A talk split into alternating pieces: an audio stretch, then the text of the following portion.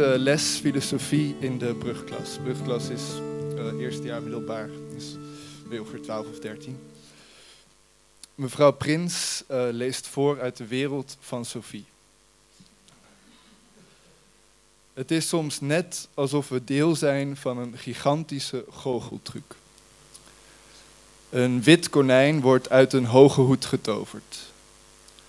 Omdat het een extreem groot konijn is, duurt dit vele miljarden jaren.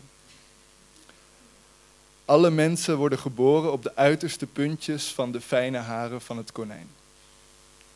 Vanaf hier kunnen ze zich verwonderen over de onmogelijkheid van de truc. Maar als ze ouder worden, werken ze zichzelf dieper de vacht in en blijven daar. Ze hebben het daar zo comfortabel dat ze nooit meer het risico zullen nemen langs de fijne haren omhoog te klimmen. Alleen filosofen wagen zich aan de verraderlijke expeditie naar de uiterste regionen van taal en bestaan. Sommige van hen vallen naar beneden, maar anderen houden zich stevig vast en roepen naar de mensen beneden die zich in de knusse zachtheid volproppen met eten en drinken.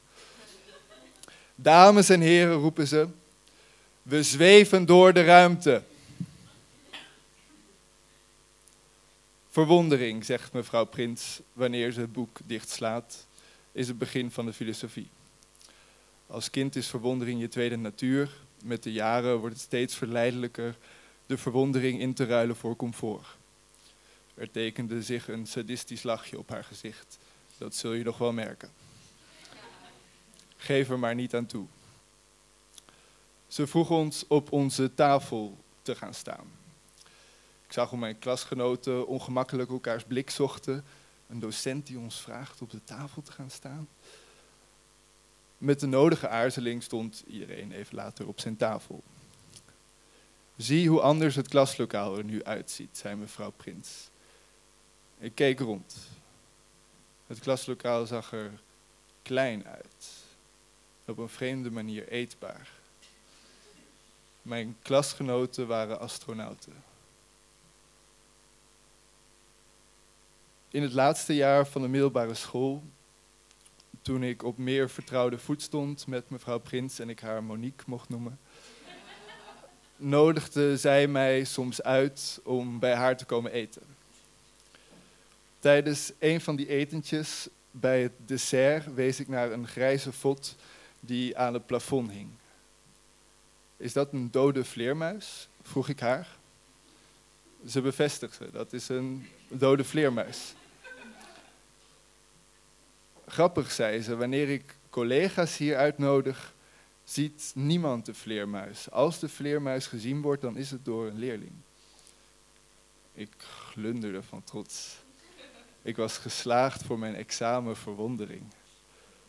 Ik had nog niets van mijn kinderlijke nieuwsgierigheid ingeboet. Vanaf nu af aan was het een kwestie van vasthouden aan de haarpunten, ogen open en niet verslappen. Een paar maanden later verhuisde ik naar Antwerpen om woordkunst te studeren aan het conservatorium. In Antwerpen viel ik van de ene verwondering in de andere. Een eigen kamer in een vreemde stad, meisjes, meisjes, meisjes, meisjes. Tot de eerste tram in de kroeg hangen, vrienden, eerste liefde, zo heftig dat je denkt te kunnen sterven. En in de zomer liften door Frankrijk. Mijn ogen stonden wagenwijd open. Ik dronk het leven dat voor mij lag. Toen ik aan het begin van mijn tweede jaar woordkunst in Groningen was en mevrouw Prins bezocht en haar overstelpte met wat ik allemaal wel niet meemaakte in Antwerpen en wat voor bedenkingen en inzichten ik daarbij had, moest zij mij helaas meedelen dat het voor haar er bijna op zat dokters hadden haar nog een paar maanden gegeven.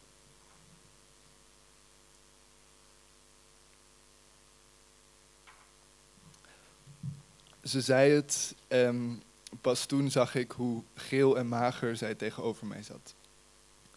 Ik had wijn meegenomen waarvan ze niet mocht drinken, maar ze rook eraan en zei met een overdaad plezier in haar ogen: Dat is vast lekkere wijn.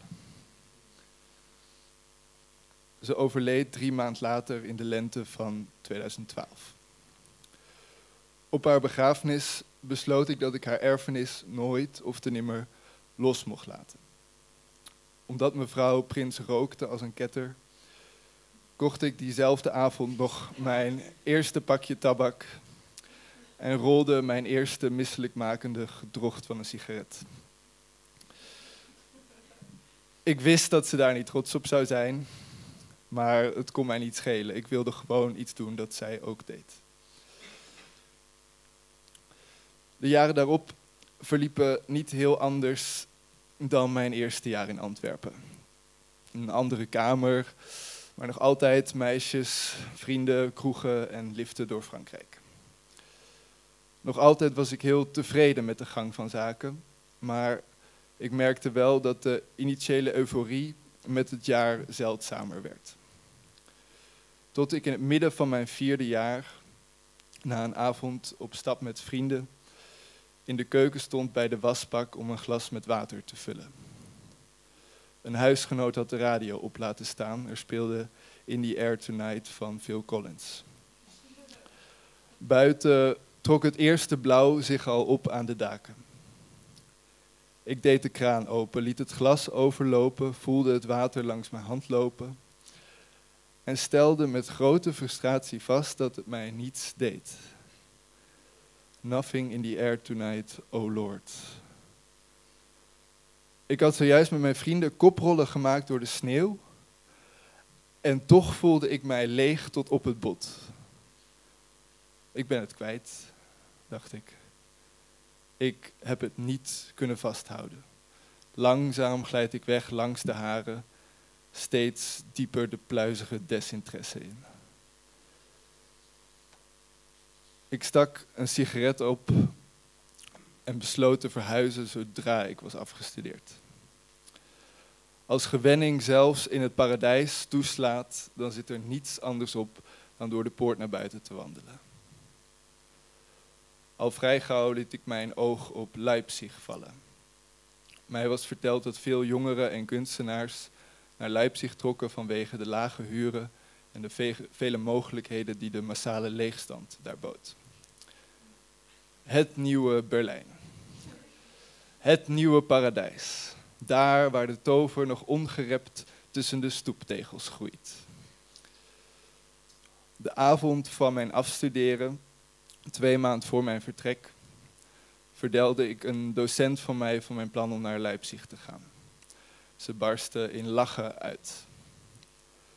Je gaat zo eenzaam zijn daar, riep ze. Zo eenzaam. Ze had het niet meer. Ik lachte mee om mijn ontzetting te verbergen, maar van binnen moest ik mezelf geruststellen met de gedachte dat ze er niets van begrepen had. Hoe kon zij ook weten dat de tover daar tussen de stoeptegels groeit? Over die twee jaar in Leipzig, uh, die ik uiteindelijk in Leipzig heb doorgebracht, kan ik kort zijn. Ik heb me daar inderdaad best eenzaam gevoeld. In plaats van in een constante staat van verwondering te verkeren, voelde ik vooral bevreemding. Wie ben ik? Wat doe ik hier? Wie zijn die mensen? Tot op zekere hoogte leefde ik daar jong en wild. Ik ging veel naar feestjes, deed mee aan nachtelijke zwempartijen. Maar in plaats van dit alles in mij op te slorpen, bekeek ik het met de neergeslagen ogen van iemand die niet zeker weet of zijn aanwezigheid wel gewenst is. Zodat ook de honger naar het raadsel een raadsel blijkt. Om niet in te slapen mag je het jezelf niet te comfortabel maken. Maar om je ogen niet dicht te doen slaan van de schrik, dien je ook niet te ver buiten de vertrouwdheid te treden. Is het dan genoeg om af en toe op een tafel te gaan staan? Twee maanden geleden was ik in Groningen. Ik liep langs het huis van mevrouw Prins. Haar man woont er nog steeds. Maar via een vriendin van mij, wiens moeder met hem bevriend is, weet ik dat hij niet echt op bezoek gesteld is. Ik twijfelde of ik aan zou bellen, maar liet het zitten. In plaats daarvan deed ik een paar stappen achteruit de straat op om door het raam van de eerste verdieping de eetkamer binnen te kunnen kijken. De vleermuis hangt er nog steeds. Een stoffige kreet aan het plafond. Dames en heren, we zweven door de ruimte.